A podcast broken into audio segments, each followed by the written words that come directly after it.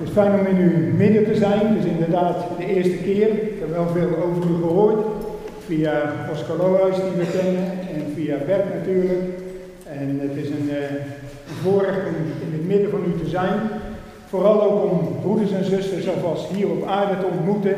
En dat we elkaar in de hemel kunnen begroeten. Oh ja, ik ken u, u bent van Emmeloord en omgeving. Dus dat is altijd weer mooi meegenomen. En wat hebben we net gezongen? Dat, dat, laatste couplet. Ik verlang naar Jezus. En in hoeverre is dat, is dat waarheid? In, in hoeverre verlangen we echt, echt naar de Heer Jezus? Is dat vandaag omdat we het in een prachtige omgeving met elkaar kunnen zingen? Is het werkelijk dat we uitzien naar Hem, niet alleen naar Zijn komst om verlost te zijn van deze wereld, maar verlangen we ook elke dag naar Hem, dat Hij ons leidt, dat Hij ons vormt, dat Hij ons kneedt, dat Hij ons maakt tot Zijn beeld gelijk, is er werkelijk dat verlangen. En dan aansluitend zingen we soms net zo makkelijk, heel mijn leven geef ik u. En als we nadenken wat dat betekent, heel mijn leven, dan is heel mijn leven ook 100% van dat leven. En dan komen we toch achter dat we daar heel vaak wat terughoudender in worden om werkelijk alles aan Hem over te geven. En dan blijkt het opnieuw weer dat we dan Zijn genade zo nodig hebben om dat wat we zingen ook tot realiteit te brengen. Dat we vanuit die genade inderdaad in alle geduld en liefde met elkaar mogen groeien naar zijn beeld. En dan vond ik zo mooi dat het ook begonnen is, dat, dat daar de broeder Frank deelde, dat hij om gebed vroeg. En juist om te verlangen naar de Heer Jezus, om werkelijk heel je leven aan Hem te wijden, hebben we elkaars gebed nodig. Ik weet nog dat ik zo verbaasd was een keer dat ik ontdekte in de Bijbel dat de apostel Paulus, nou als we het over iemand hebben die staat voor dat evangelie, die, die, die kon je stenigen wat je wilde, maar als je de kans kreeg om op te staan, dan ging die dat dorp binnen waar die gestenigd werd. Die, was, die man was niet te stoppen. En, en dan lees je in, in zijn brieven dat hij regelmatig om gebed vroeg. In Efeze bijvoorbeeld, dan zegt hij, en bid daarbij, dat is bij die wapenrusting, en dan zegt hij, en bid ook voor mij. Opdat bij het openen van mijn mond ik met vrijmoedigheid het evangelie mag spreken. Wat blijkt dat Paulus sprak vrijmoedig op grond van wat? Op grond van de gebeden van broeders en zusters. En dan denk ik, wat een prachtige oproep vanmorgen om daar vrij van te komen en, en eens te zeggen en te vragen aan elkaar, zou je voor me willen bidden? En weet u, nazorg of een luisterend oor, vind ik ook zo'n mooi woord ervoor, is niet alleen wanneer het moeilijk is, maar ook voor wanneer je voor keuze staat. Een andere baan, een andere studie, een, een examen, een rijexamen desnoods. En dat je zegt, zou je voor me willen bidden? Dat is heel je leven wijden. Dat is niet alleen vragen om gebed wanneer het moeilijk is, maar continu dingen delen met elkaar, voor elkaar bidden. En als ik zo hier zou vragen, wanneer is het voor het laatst dat u aan iemand heeft gevraagd om voor u te bidden? Dan weet ik dat er heel veel moeten gaan nadenken. Even denken hoor, wanneer was dat voor het laatst? Eigenlijk zou, zou dat misschien vanmorgen moeten zijn. Of gisteren. En als je niks te bidden hebt, dan hebben we toch zoveel redenen om te danken. Broeders, zullen we samen danken voor deze dag? Zullen we danken voor de ontmoeting die we vandaag met elkaar hadden? Zullen we met elkaar de Heer loven en prijzen voor het geweldige weer? Zullen we Hem prijzen dat we volgende week op vakantie kunnen en genieten van een heerlijke vrijheid van werk en drukte? Zoveel redenen om dat te doen. Prachtig hoe we de dienst zo zijn begonnen. Goed, er was mij gevraagd dat ik me ook zou voorstellen. Ik ben dus Jack Nuchter. Prachtige Bijbelse naam. Ik heb een vrouw gezocht die waakzaam zou heten. Wees nuchter en waakzaam, staat er in Petrus. Maar die heb ik niet gevonden, maar ik heb een hele lieve vrouw die daar zit. En dat is Nel. We zijn uh, dit jaar 43 jaar getrouwd. We hebben vier dochters samen. Alle vier zijn ook getrouwd. En we hebben zeven kleinkinderen. Dus hier staat een opa. Niet te zien natuurlijk, maar goed. Als ze 43 jaar getrouwd zijn, dan is dat haast wel uh, logisch. Alhoewel het niet iedereen gegeven is. Uh, we wonen sinds uh, twee weken in Valkenburg, Zuid-Holland. Sinds augustus vorig jaar weer terug in Nederland. We zijn namelijk nadat we tot geloof en bekering kwamen, dat was op 35-jarige leeftijd zo'n beetje, van beide. Mijn vrouw komt uit een hervormd gezin, ik kom uit een gezin wat niks met het evangelie heeft te maken, niks met kerkgang. Dus voor mij was alles nieuw, akakadabra, een, een taal die je niet begreep. Maar we mochten de Heer Jezus leren kennen. En wat is dat een omkeer geweest? Wedergeboorte, dat doet wat in je leven. Jezus ontmoeten, dat doet wat in je leven.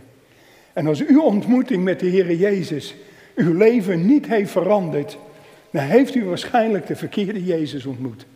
Want het kan niet anders dat als je Hem ontmoet, dat je leven gaat veranderen.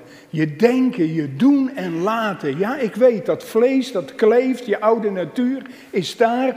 Maar we vieren toch volgende week dat we de Heilige Geest hebben ontvangen. En dat wij de kracht hebben ontvangen om nee te zeggen tegen de zonde. Die kracht hebben wij ontvangen. Dus zo begon, ja, bijna langs 23, 27 jaar geleden dat we tot geloof en bekering kwamen. En, en, en het verlost ons niet alleen van het oordeel van God wat op ons rustte. Het zette ons vrij van de wet van menselijke inzettingen.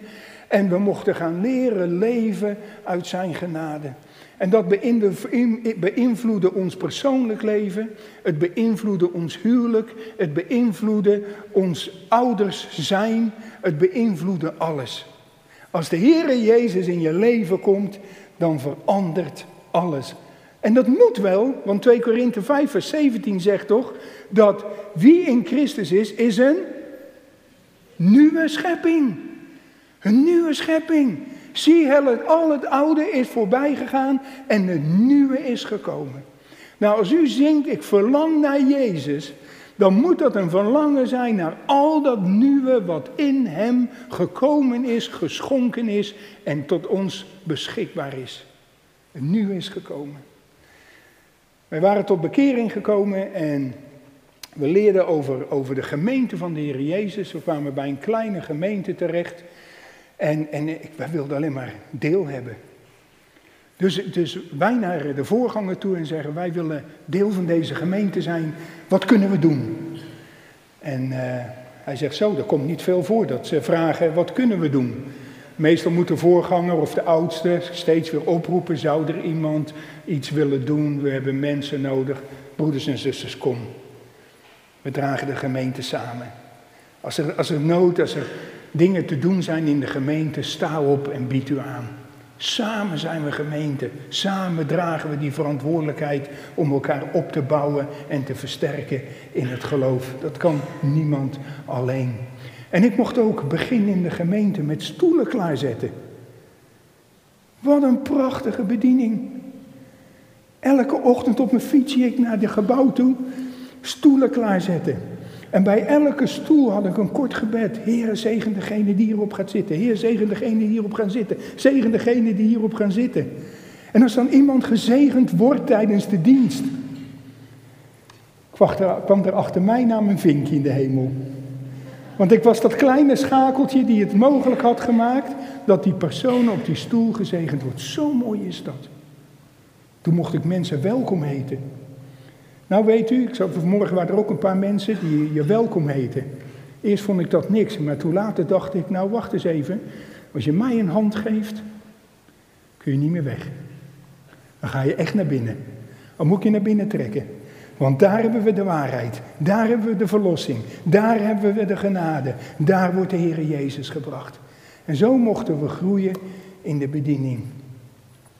Toen in 1993 zijn we bij Dorcas Hulp in Andijk gaan werken. Nou, we waren bijna nooit verder dan Katwijk geweest. En dan naar Andijk. Nou, als je Horen voorbij komt, beginnen huizen in bloemkolen te veranderen. En, en ik zeg tegen mevrouw, dit is Matthäus 28. Dit is het einde van de wereld. Zo'n gevoel hadden wij toen we Andijk inreden. En daar hebben we vijf jaar bij Dorcas Hulp International mogen werken. Terugkijkende heeft de Heer dat gebruikt om onze ogen te openen voor de nood in de wereld. Want onze wereld was niet groter dan Nederland.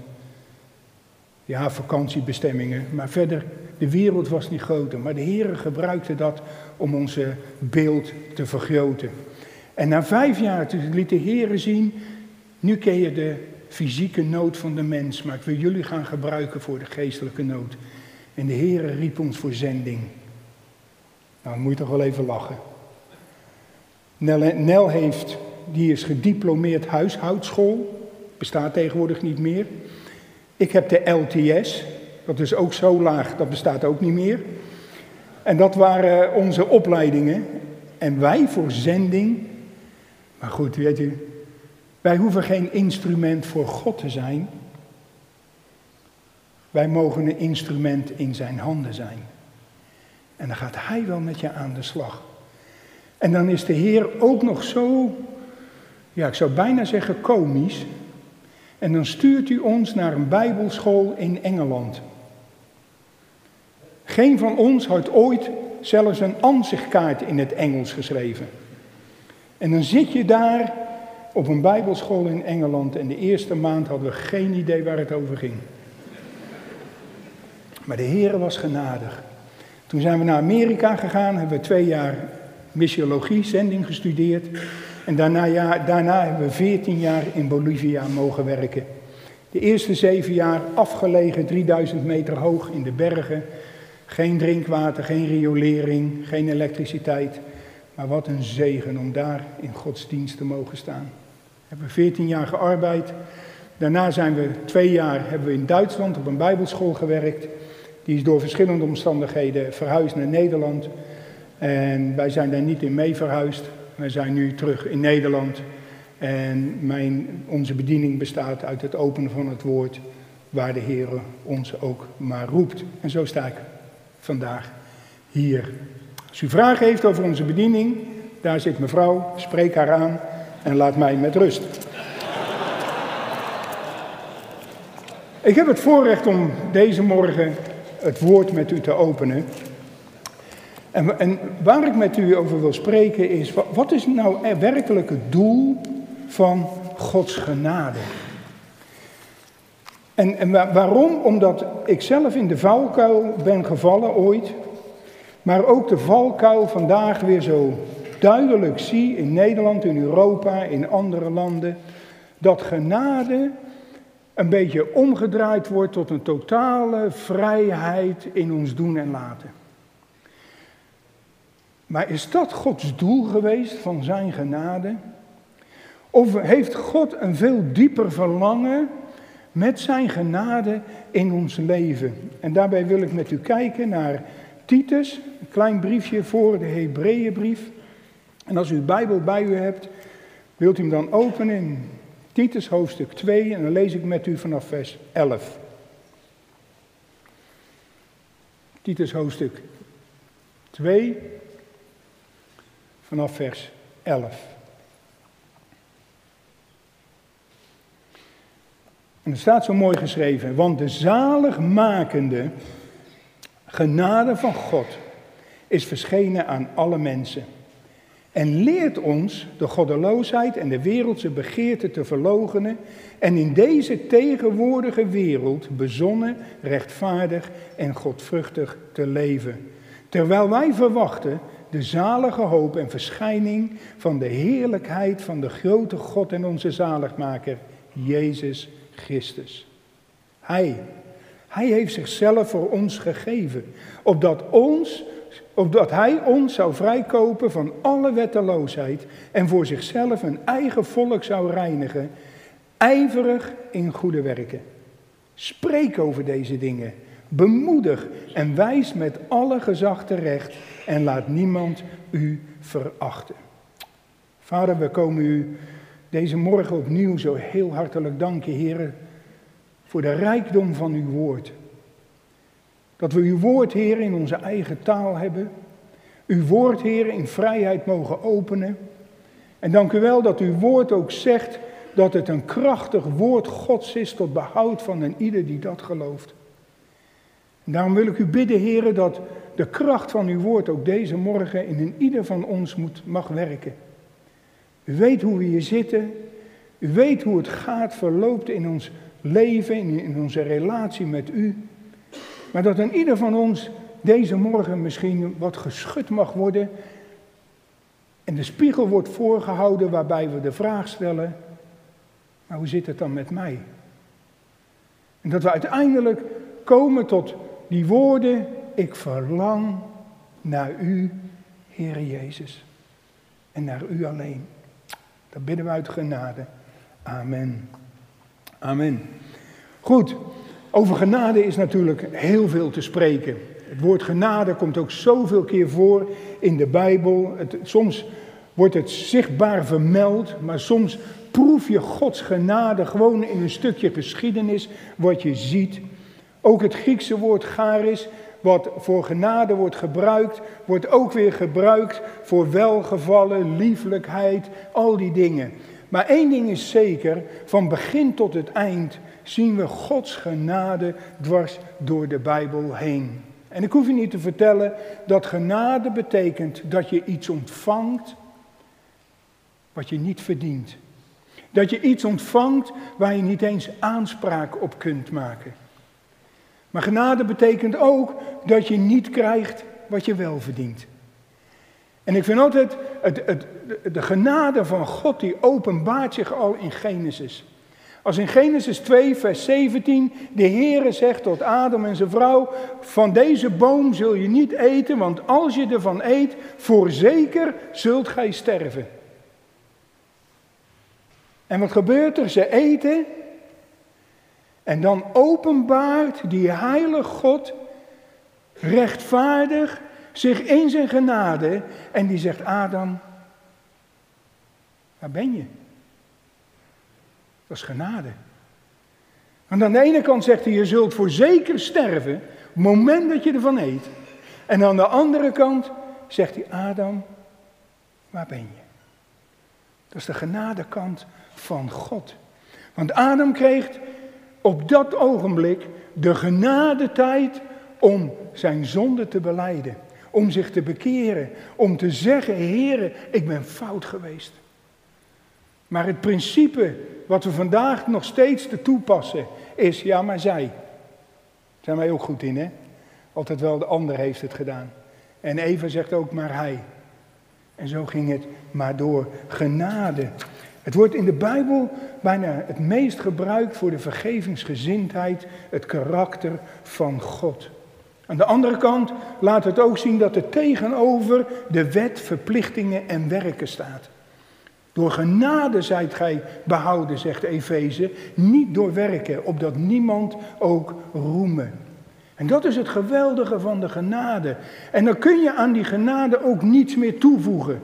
Want genade is compleet in het volbrachte werk van de Heere Jezus Christus. Als een van u, of van jou, van jij hier denkt, ik, ik moet nog iets doen om de vergeving van God te ontvangen, dan is het enige wat je moet doen, is je knieën buigen en beleiden dat de Heer Jezus Christus het allemaal al voor je gedaan heeft.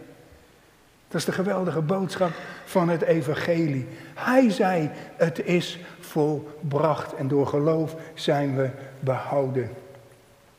En in het gedeelte wat we hebben gelezen, dat spreekt dan ook over die zaligmakende genade. En het is Paulus die aan Titus schrijft. Nou, Titus was natuurlijk een metgezel van Paulus. Dat kun je zien in 2 Korinthe, waar hij hem ook zijn medearbeider noemde in het werk aan de Corinthiërs. Hij werkte samen. Hij is ook in volgens Galaten, is hij met Paulus meegeweest naar Jeruzalem.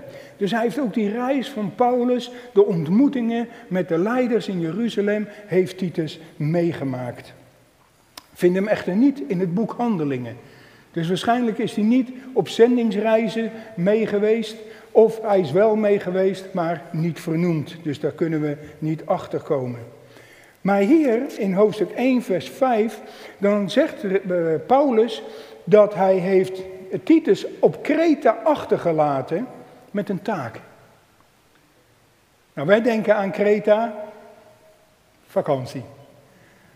Voor Titus was het geen vakantie was niet op strand liggen onder een parasolletje, maar er staat hier opdat u verder in orde zou brengen wat nog ontbrak en van stad tot stad ouderlingen zou aanstellen zoals ik u opgedragen had. Nou, dat is een behoorlijke taak die Titus had meegekregen. Ga maar naar zijn gemeente toe om de zaken op orde te stellen. En dan denken we vaak misschien, nou, dan zou die hier wel bij ons kunnen komen. Want ja, hier eh, ontbreekt dit nog, ontbreekt dat nog, we moeten hier nog wat aan doen. Maar wat ontbreekt in ons persoonlijk leven nog? Wat misschien wat aandachtspunten nodig heeft. We denken vaak gelijk buiten onszelf om. Maar toen ik dit las, dacht ik, nou, uh, in mij ontbreekt ook nog het een en ander wat wel op orde gebracht kan worden. En ten tweede, in hoofdstuk 2, moest hij nog iets doen. Hij moest de gezonde leer brengen. En wat is dat belangrijk gebleven tot de dag van vandaag? Dat de gezonde leer, het zuivere evangelie, het woord van God gebracht wordt. Lieve broeders en zusters, het gaat er niet om wat wij hiervan vinden. Het gaat erom wat heeft dat woord ons te zeggen. Nel en ik waren op de Bijbelschool in Engeland. En een, een leraar, Joseph Bailey, een Ier, die hadden we als eerste les. Nou, daar zaten wij, wij waren 45 jaar. Dan ga je naar een Bijbelschool. Er zitten allemaal van die studenten, die zouden je kinderen kunnen zijn. En dan komt daar, wij natuurlijk helemaal trots eh, op de Bijbelschool. En die leraar vraagt, wie leest hier dagelijks in de Bijbel? Tada! Wij, trots als een aap. En hij zegt, daar moet je mee stoppen. Dus wij kijken elkaar aan. We zitten hier verkeerd. We moeten weg. Wat is dit? Daar moet je mee stoppen. Hij zegt, ik zal zeggen wat jullie bedoel, want ik zie, ik zie wat, wat voor reactie het uitwerkt. Hij zegt, het probleem is dat wij vaak in de Bijbel lezen maar zo weinig het woord laten spreken. Wauw. Toen ben ik naar hem toe gegaan. Ik zeg, uh, broeder Bailey, hoe doe je dat? En hij heeft me daarin geholpen. En wat is dat mooi als je dat kan leren om niet in die Bijbel te lezen, maar hem te laten openen en de Heere God tot je te laten spreken. Want het is zijn woord. Het is geïnspireerd door de geest. En de geest kan dat woord zo levend aan je, maken, aan je maken. Dus hij moest de gezonde leer blijven brengen. Dan gaat een heel stuk, hoofdstuk 2, gaat over oudere mannen, oudere vrouwen. Geweldig hè, die horen in de gemeente thuis. In heel veel gemeentes, ja, de jeugd, de jeugd. En, en, en Paulus zegt, oudere mannen, oudere vrouwen, daar gaat hij mee beginnen. Want die hebben vaak de gemeente opgebouwd. Dat zijn degenen die trouw zijn geweest. Die worden ook opgeroepen om een voorbeeld te zijn voor de jongere mensen. En daarom, lieve broeders, oudere broeders, oudere zusters. Heeft u iemand onder uw hoede genomen? Bent u een voorbeeld voor jonge mensen hier? Opdat zij ook op mogen wassen in de genade van God. Maar ook jonge mensen die worden opgeroepen om juist naar die voorbeelden te kijken. Laten we nooit een gemeente zijn die senioren hebben en jongeren. Maar laten we de gemeente van de Heer Jezus zijn, waar senioren en jongeren één zijn in Christus en samen op weg weten te gaan. Daar ligt een geheim van de, de onderwijzing van Paulus, die ligt hierin. En, en dan legt hij dat helemaal uit voor jongens, voor mannen, voor vrouwen, voor slaven. Dus degene die nu werknemer zijn, werkgevers. En dan vers 11. Dan zegt hij want. En, en, het lijkt wel of, of Paulus hier in die brief van, van al dat praktische, dat verticale, of dat horizontale bedoel ik, van dat horizontale ons doet optrekken naar het verticale, naar de Heer. Hij zegt want. Nu ga ik je de reden geven waarom je dit zou doen. Waarom je de zaken op orde moet brengen. Waarom de gezonde leer gebracht moet worden. Waarom ouderen en jongeren met elkaar op moeten trekken. Waar, waarom we met elkaar de verantwoordelijkheid gaan dragen. Want, zegt hij in vers 11, de zaligmakende, of de MBG, de heilbrengende genade van God is verschenen aan alle mensen. Om die reden alleen al zijn wij eigenlijk verplicht om deze dingen te doen. Omdat de genade van God is verschenen. En als het goed is, en ik hoop dat van harte, dat hij niet alleen verschenen is, maar dat hij is gaan schijnen in uw leven. De genade van God. Zaligmakend, heilbrengend. En het is de zaligmakende genade van God die is verschenen. Het is geen uitvinding van theologen, het is geen uitvinding van aartsvaders, het is geen uitvinding van kerkvaders, het is de genade van God die is verschenen. Het komt uit Hem vandaan. Dat moeten we blijven beseffen. Het komt uit Hem vandaan. En wat is dat dan prachtig? Het is verschenen aan alle mensen. En als we naar de wereld kijken, dan is er een universele nood in deze wereld. En hier ligt de universele oplossing voor de nood. De zaligmakende, heilbrengende genade van God. Want als die genade een mens zoals mij kon veranderen, dan kan die genade de hele wereld veranderen. Want ik was een hardnekkig persoon. Een vreselijk persoon. Een arrogant persoon. Maar de genade van God was verschenen. En de genade heeft het leven overgenomen. En dat is zo geweldig. En hoe is hij dan verschenen? Dat het zegt vers 14, in Christus Jezus, die zichzelf gegeven heeft, opdat Hij ons zou vrijkopen, vrijmaken van alles wat aards is. Van de wetteloosheid en voor zichzelf een volk zou reinigen. Dat is gebeurd. Die genade is verschenen. Het doel van Gods genade is er al te zijn, al voor de grondlegging van de wereld.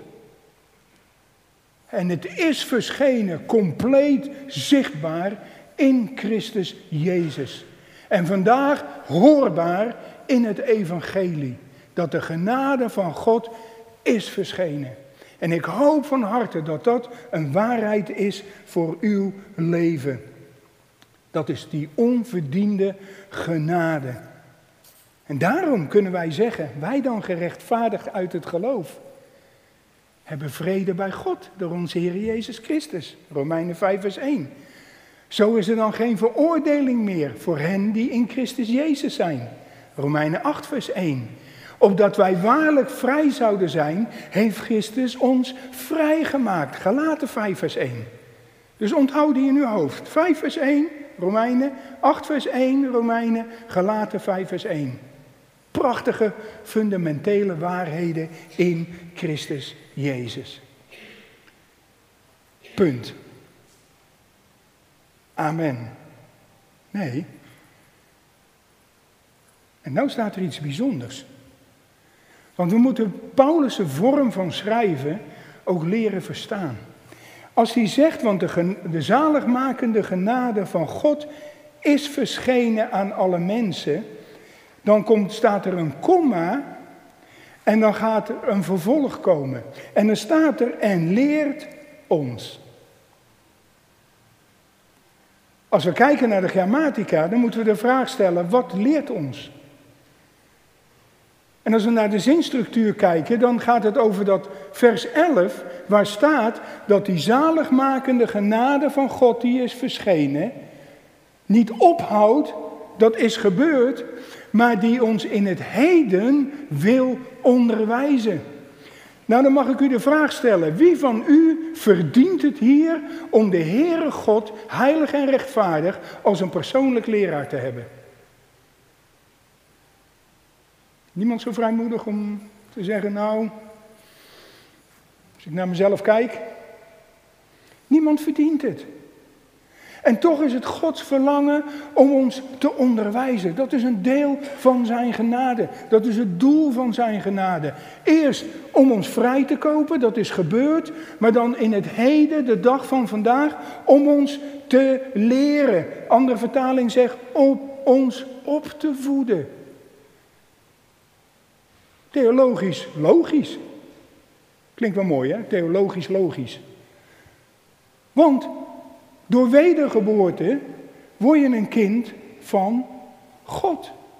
En op het moment dat je een kind van God bent, dan neemt die God, die we door de geest Abba Vader noemen, de verantwoordelijkheid als vader en wil ons opvoeden naar het beeld van zijn eigen zoon, de Heere Jezus Christus.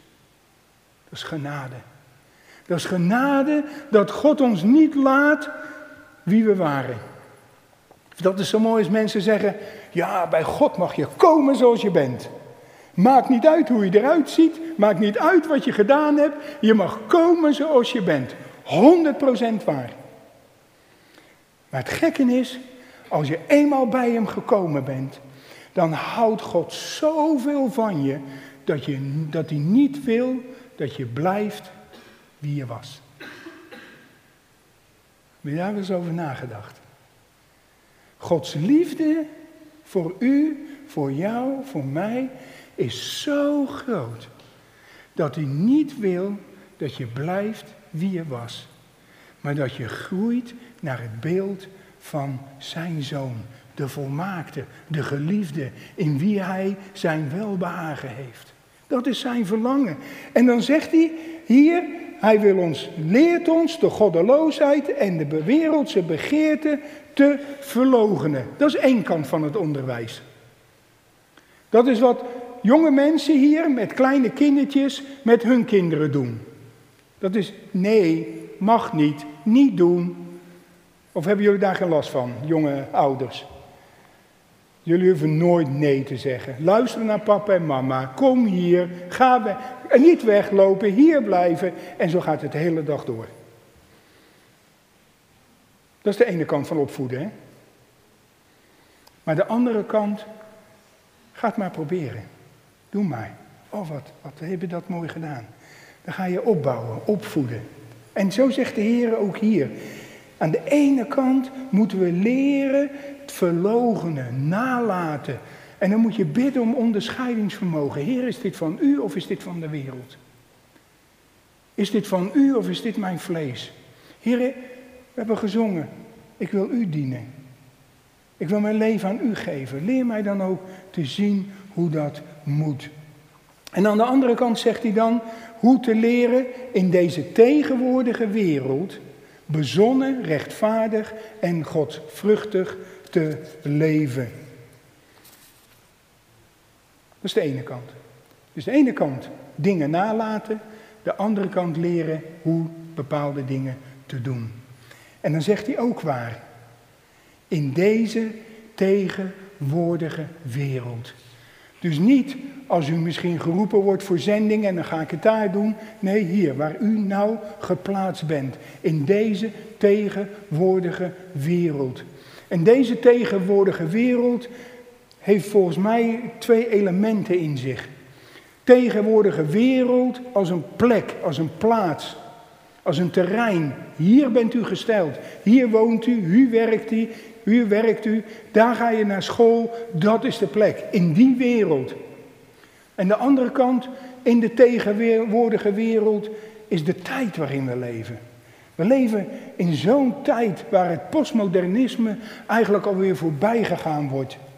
Waar het individualisme de hoogtoon voert. Het gaat, iedereen mag geloven en denken en doen wat hij wil, zolang je de ander daar niet mee benadeelt. Dat is er ook een tegenwoordige wereld. De secularisatie van deze wereld. De zucht naar een verhogere en een betere economie en gezondheid. En als u te duur, te duur wordt, dan schaffen we u af. En in deze wereld wordt gevraagd hoe je daar als christen in gaat staan. Nou, dan kan ik u zeggen, zeggen dan heb je, dit, heb je dit nodig hoor. Want als ik op mijn gevoel afga, denk ik, wat maakt het allemaal uit? Als ik me hierdoor laat leiden, heb je dat gevoel ook wel eens, dan kom je zo alleen te staan. Dan merk je dat je tot de minderheid begint te horen. Maar weet u wel, een minderheid misschien hier, maar in de meerderheid van de hemelse gewesten. Daar behoor ik toe. Want Christus is overwinnaar. Niet iemand anders. Christus is overwinnaar. En tot die meerderheid mogen wij behoren. dus de genade is verschenen verleden tijd. Wil ons leren tegenwoordige tijd. En dan vers 13. Wat doet genade nog meer? Terwijl wij verwachten de zalige hoop. Genade heeft als doel ook voor de toekomst. Dat u niet hopeloos bent, maar dat er hoop is. Dat er verwachting is. Dat wij uitzien wat we gezongen hebben. Heere Jezus, u wil ik zien. Terwijl wij verwachten de zalige hoop, staat er zo mooi, en verschijning van de heerlijkheid van de grote God en onze zaligmaker, Jezus Christus. Dus met andere woorden, dit is tijdelijk. Dit is allemaal tijdelijk. Maar door de genade van God hebben wij ook die hoop, hebben wij die verwachting. Hij komt. En als hij niet komt vandaag, misschien heb ik het voorrecht om eerder naar hem toe te gaan. Maar Paulus zegt, wat is het mooier als je levend overkleed wordt in zijn heerlijkheid. Terwijl je staat te praten of loopt en opeens met die heerlijkheid overkleed wordt en bij hem zal zijn. Geweldig. Maar hoe dan ook, het zal plaatsvinden. Die verwachting hebben we, lieve broeders en zusters. En dat is het doel van Gods genade. Dat is niet alleen dat Christus voor ons gestorven is, maar zijn genade heeft een doel dat we vandaag leven tot eer en glorie van zijn naam. Dat we opgevoed worden door die genade. Maar ook dat we hoop hebben voor de toekomst. En dat we daardoor, door die kracht, door die genade, misschien wel zoals Paulus kunnen zeggen, dat het lijden van de tegenwoordige tijd weegt niet op tegen de heerlijkheid van de toekomende tijd. Want die gaat komen hoor. Die gaat komen. Dat is een ding dat zeker is. En dan zegt hij in vers 15, spreek over deze dingen. Spreek over deze dingen. Meeste gesprek wat ik de afgelopen weken, nou ja, misschien de afgelopen week hoor, is, ga je naar opwekking? Gaat u naar opwekking? Heb je al een plekje op opwekking? Weet je wie er spreekt op opwekking? Allemaal prachtig. Maar is, is, is dat hetgene waar we over moeten spreken? We moeten spreken over de Heer Jezus. Zijn we vol van Hem? Spreken we met elkaar over Hem? Spreken we met anderen over Hem? Getuigen we over Hem? En als u zegt, nou ik vind dat eng, sluit u aan bij dat koor waar net van verteld is. En ze kunnen mensen gebruiken en dan gaat u er maar van zingen. Zing hiervan, spreek hiervan, getuig hiervan, van deze dingen. En bemoedig, bemoedig en wijs met alle gezag terecht. Gezag dat niet van uzelf komt, maar vanuit het woord van God. Dat is het doel van Gods genade. Ons volledig in het verleden, heden en toekomst met Hem te vullen. En dat we zicht hebben op het was de genade in Christus dat ik verlost en vergeven ben en verzoend ben met God. Het is de genade van God dat ik vandaag de dag in Hem mag opgroeien. Maar het is de genade van God die mij hoop geeft voor de toekomst. Zullen we Hem daar samen dan ook voor danken? En laten we een moment van, van stilte nemen. En zoek in uw eigen hart. Wat betekent genade voor mij? Ben ik vol van deze genade? Mag de genade mij vormen en kneden?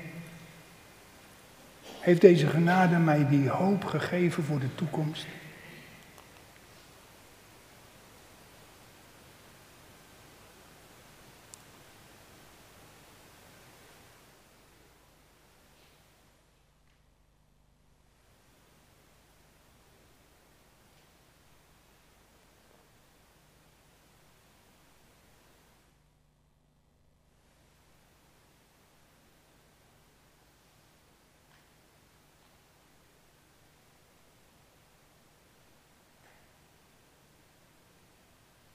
Onze Vader, we komen u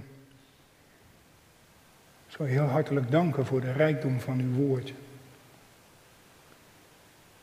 Bovenal willen we u loven en prijzen, heren, dat de genade Gods is verschenen in uw Zoon, de Heere Jezus Christus. En dank u voor een iedere Heere die daar zicht op mocht hebben en tot geloof en bekering is gekomen.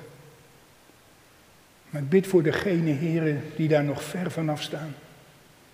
Dat ook zij vandaag die keuze mogen maken. En zeggen, voor die, knie, voor die genade wil ik mijn knieën vandaag buigen. Ik weet misschien niet hoe, hoe dat moet.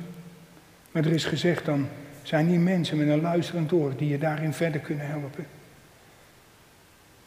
En met je samen bidden. samen die open deur mogen vinden en naar binnen gaan.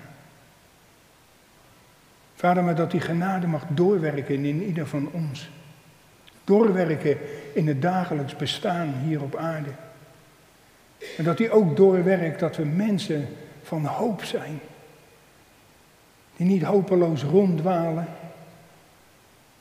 Die van slag raken omdat we drie euro minder salaris krijgen. Maar die daar overheen kunnen kijken en wetende, ach, wat er straks gaat komen. Daar wordt alles zo, zo verveelvoudigd. Heer, en wil ik u voor loven en prijzen. En ik wil u danken voor deze gemeente. En u weet wat deze gemeente in zijn geheel nodig heeft en in ieder individueel. En dan smeek ik u pleitend op die genade, dat u daarin tegemoet komt zodat deze gemeente ook een lichtend licht en een zoutend zout zal zijn. Niet alleen hier, maar in de wijde omgeving. Heer, dat de deuren inderdaad van die welkomstdeuren zijn. Maar dat het ook deuren zijn waardoor hen die geloven naar buiten durven te gaan en in die wereld te spreken van deze dingen.